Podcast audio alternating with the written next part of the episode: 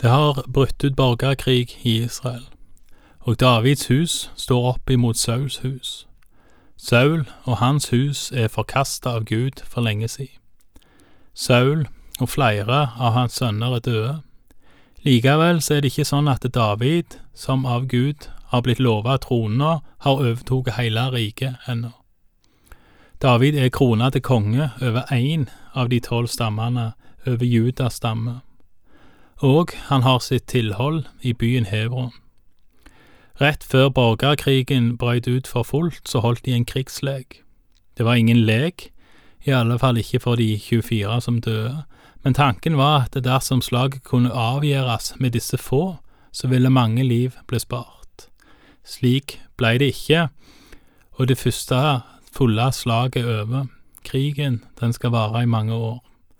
Vi leser ifra Andre Samuels bok, kapittel 3, vers 1. Krigen mellom Sauls hus og Davids hus ble langvarig. David ble sterkere og sterkere, men Sauls hus ble svakere og svakere. David fikk sønner mens han bodde i Hebron. Hans førstefødte var Amnon, sønn av Akinoam fra Israel.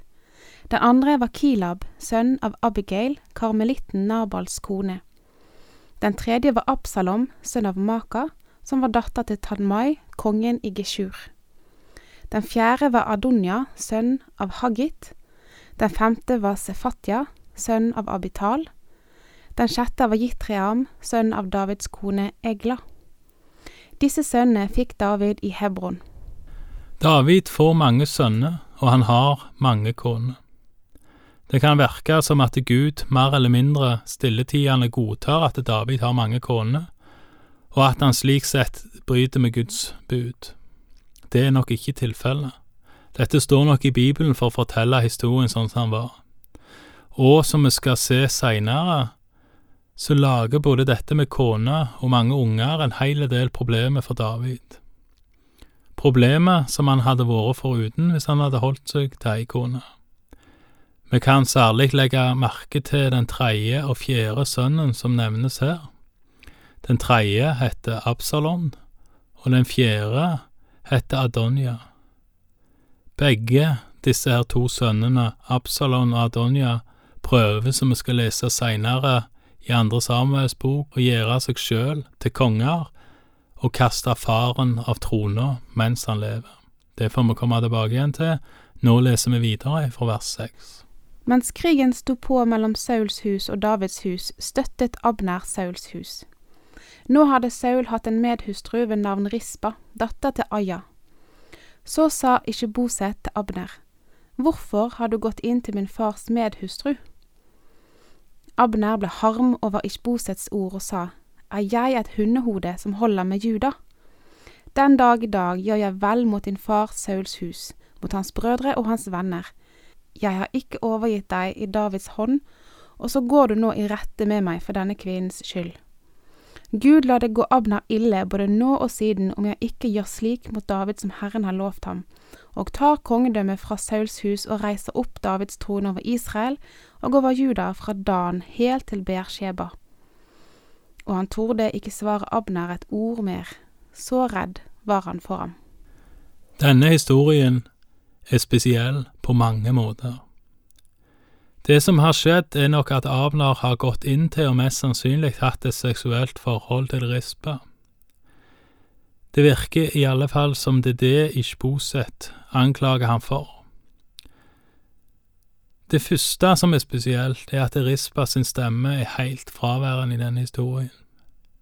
Kanskje handla Abner mot hennes vilje, kanskje handla han etter hennes vilje, det vet vi ikke. Men hva som skjuler seg under Ishboses ord og kroppsspråk i det han sier til Abner, er en annen ting som er spesielt.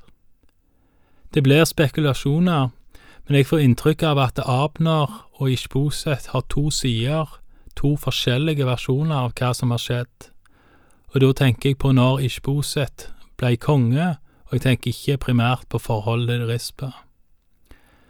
Det kan tenkes at det forholdet til Rispa bare utløse noe som ville kommet uansett. Det jeg lurer på, er om Ishboset ser på seg sjøl og si slekt som ei kongeslekt, og da ser på Abner kun som en tjener. En lojal og god, men fremdeles kun en tjener.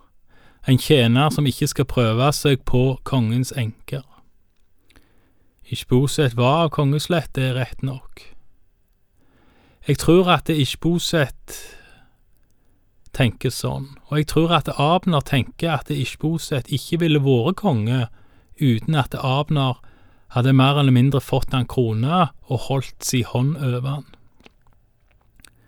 Ishboset ikke så mye nevnt før Sauls død. Det var Jonathan som skulle arve krona. Ishboset var trolig ikke engang med i slaget der Saul og tre av hans sønner døde. Han var ikke for ung til å være med, han var 40 når han ble krona, men kanskje han ikke var den store krigeren. Jeg tror at Abner mer eller mindre fikk innsett han fordi at han hadde arven Abner mangla. Når nå Abner føler seg tråkka på, så blir han så sint, og at han sier at han skal gå over til fienden. Abner går over til David. Vi leser videre ifra vers tolv. Og Abner sendte bud av sted til David og sa, Hvem hører landet til? Og han fortsatte, Gjør en pakt med meg, for se, da skal min hånd være med deg for å føre hele Israel over til deg. Han svarte, Godt, jeg vil gjøre en pakt med deg. Bare én ting krever jeg av deg. Du skal ikke komme for øynene mine uten at du har med deg Mikael, Sauls datter, når du kommer for å tre fram for meg. Og David sendte bud til Shboset, Sauls sønn, og lot si, Gi meg min kone Mikael, som jeg vant meg til brud med hundre filistres forhuder. Da sendte Ishboset bud og tok henne fra hennes mann Paltiel, sønn av Lashish. Og mannen hennes fulgte med og gikk gråtende etter henne like til Baruim. Men Abner sa til ham, Gå hjem igjen. Da snudde han og gikk hjem igjen. Men Abner talte med Israels eldste og sa, Alt lenge har dere ønsket å få David til konge over dere, så la ham nå bli det, for Herren har sagt om David, ved min tjener Davids hånd vil jeg frelse mitt folk Israel fra filisternes hånd og fra alle deres fienders hånd. Abner talte også med benjaminittene. Så gikk han av sted for å tale med David i Hebron om alt det som Israel og hele Benjamins hus hadde besluttet. Abner kom til David i Hebron med 20 mann, og David gjorde et gjestebud for Abner og de menn som var med ham. Og Abner sa til David, Jeg vil dra ut og samle hele Israel til min herre konge. Så kan de gjøre en pakt med deg, og du kan råde over alt det du ønsker. Og David lot Abner fare, og han dro bort i fred. Det kan virke som at Ishboset tapte mer enn han kunne tro når han fikk Abner sint, og at Abner gikk over til fienden David. Det kan se ut som at store deler av de elleve stammene var lojale til Abner og ikke Ishboset, og at de ville da følge Abner over til David. Abner drar for å samle Israel under David, og det går da mot slutten på en borgerkrig, skulle en tru. Sånn kunne det iallfall se ut, men vi leser videre fra vers 22. Nettopp da kom Davids folk og Joab hjem fra et herjetog, og de hadde med bytte med seg. Abner var da ikke lenger hos David i Hebron, for David hadde latt ham fare, og han var dratt bort i fred. Da nå Joab og hele hæren som var sammen med ham, kom hjem, fikk Joab høre at Abner, Ners sønn, var kommet til kongen, og at kongen hadde latt ham fare, og at han var dratt bort i fred. Da gikk Joab inn til kongen og sa, Hva har du gjort? Abner kom til deg, hvorfor lot du ham da fare sin vei? Du kjenner da Abner, Ners sønn. Du må da vite at han er kommet for å narre deg, og for å få rede på all din ferd og alt det du gjør. Så gikk Joab bort igjen fra David og sendte noen folk etter Abner. De førte han tilbake fra Sirabrønnen. Men David visste ikke noe om det. Da nå Abner kom tilbake til Hebron, tok Joab ham til side midt inne i porten for å tale med ham i stillhet. Der stakk han ham i magen så han døde. Det var for å hevne sin bror Asaels blod. Mens Abner er hos David for å melde sin overgang til David og legge planer for å slå sammen riket igjen. Mens dette pågår, så er Joab, Davids hærfører, og hæren på tokt.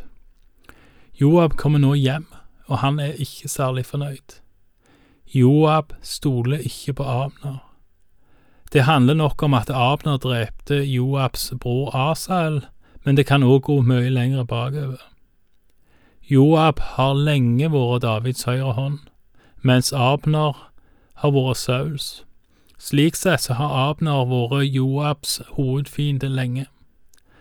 Og for alt jeg vet, kan Joab ha vært redd for at Abner skulle få hans plass som hærfører. Det blir spekulasjoner. Men legg merke til at Joab møter Abner i porten og trekker han til sides trolig slik at eh, Abner ikke skulle komme inn i byen. Hebron var nemlig en av de tilfluktsbyer som Herren allerede på Mosetid hadde pålagt israelittene å ha. En drapsmann, som Abner var, kunne søke tilflukt der og hadde da rett på beskyttelse og rettergang. Dette kan en lese mer om i Fjerde Mosebok kapittel 35 og Første Krønikebok kapittel 6. Abner, han blir drept av Joab få meter ifra tryggheten. Et talende bilde og et skremmende bilde. Takk for i dag, og Herren være med deg.